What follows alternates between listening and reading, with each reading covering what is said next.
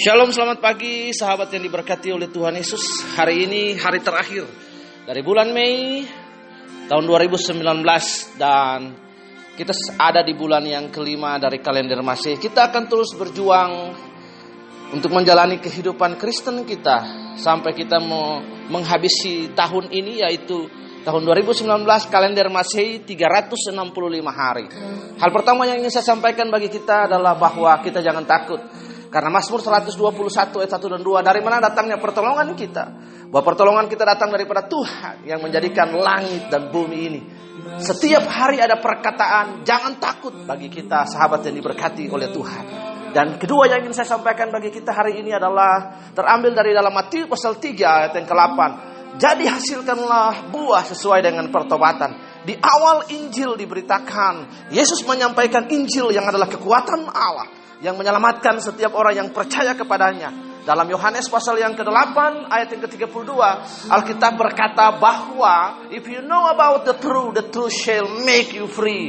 Artinya jika Anda mengenal kebenaran, siapa itu kebenaran? Kebenaran adalah Yesus Kristus karena dia berkata aku adalah kebenaran, jalan dan kehidupan. Karena itu jika kita mengenal dia kita akan mengalami kemerdekaan di dalam dia. Dan sesuai dengan Injil yang tadi kita baca sahabat yang diberkati Tuhan, dikatakan di situ bahwa jadi hasilkanlah buah sesuai dengan pertobatan. Artinya bahwa Tuhan menginginkan buah pertobatan jauh melampaui apa pun. Jauh melampaui berkat-berkat Tuhan dalam kehidupan ini. Yang Tuhan mau adalah dia mau kita menjadi serupa, segambar dengan dia.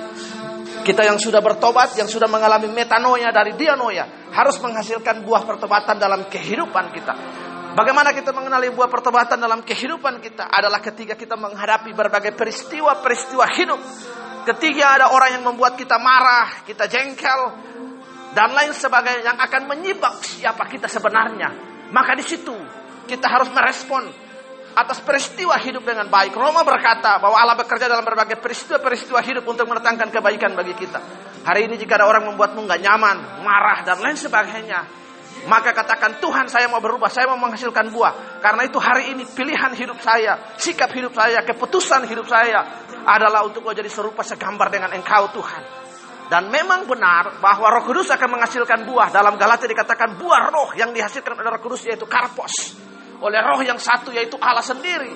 Dalam kehidupan kita yang bekerja di dalam kita untuk menghasilkan kasih, damai sejahtera, kelemah lembutan, keramahan, kesabaran, panjang sabar, dan lain sebagainya, dan penguasaan diri. Dari yang Tuhan mau adalah kita untuk menjadi serupa segambar dengan dia. Jauh melampaui semua berkat-berkat apa pun. Karena ketika Tuhan memanggil dan Tuhan membentuk pribadi-pribadi yang jadi serupa segambar dengan dia. Mereka akan menjadi orang-orang yang hebat, yang lebih berdaya guna, yang lebih dahsyat dipakai oleh Tuhan. Dalam pelayanan-pelayanan yang dibentuk oleh Tuhan. Sahabat yang diberkati oleh Tuhan ketika Musa dipanggil oleh Tuhan. Dia adalah sebelumnya dia adalah Prince of Egypt. Seorang pangeran Mesir. Namun dia dirubah. Dia dilatih oleh Tuhan di padang gurun selama 40 tahun. Dan akhirnya dia menjadi seorang pribadi yang paling lemah lembut hatinya di muka bumi ini. Paulus seorang teroris agama. Dia adalah seorang yang terdidik dalam hal-hal yang rohani Yudaisme. Namun ketika dia dibentuk oleh Tuhan, dia menjadi seorang yang luar biasa, yang memiliki integritas, hati nurani yang murni, attitude dan sikapnya, dan dia dipakai untuk pekerjaan Tuhan, memberitakan Injil adalah kekuatan Allah yang menyelamatkan setiap orang percaya itu dengan luar biasa. Jadi Tuhan lebih tertarik untuk membentuk kita. Mengapa? Karena dengan dia membentuk kita sesuai dengan karakter, sifat, dan kemauannya. Maka kita akan dipakai dengan hebat, dengan luar biasa. Saya punya kerinduan pribadi untuk dipakai, dirubah oleh Tuhan dalam berbagai segmentasi hidup saya, karakter, sifat, dan kelakuan. Agar saya juga dapat dipakai untuk kemuliaannya. Jauh melampaui segala berkat-berkat yang saya harapkan dalam hidup ini. Karena Tuhan lebih tertarik untuk merubah saya, membentuk saya jauh lebih daripada apa yang dia ingin berkati saya. Sahabat, jika hari ini ada peristiwa-peristiwa hidup yang membuat engkau akan marah, jengkel, dan lain sebagainya. Katakan Tuhan aku mau berubah. Katakan Tuhan aku mau menghasilkan buah pertobatan. Katakan Tuhan, lewat peristiwa hidup ini aku mau dididik, dilatih supaya sifat, karakter, dan kelakuanku jadi serupa segambar dengan engkau. Mari sahabat kita berdoa. Kasih karunia Allah yang jauh melampaui segala roh hikmat akal dan pikiran.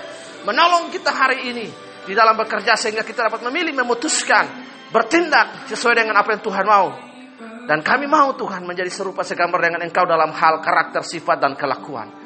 Sehingga kami boleh dipakai dalam pekerjaan-pekerjaan kami, dalam rumah tangga, dalam pelayanan kami. membawa bau keharuman Kristus yang begitu harum, begitu manis Tuhan. Terima kasih tolong kami sepanjang hari ini.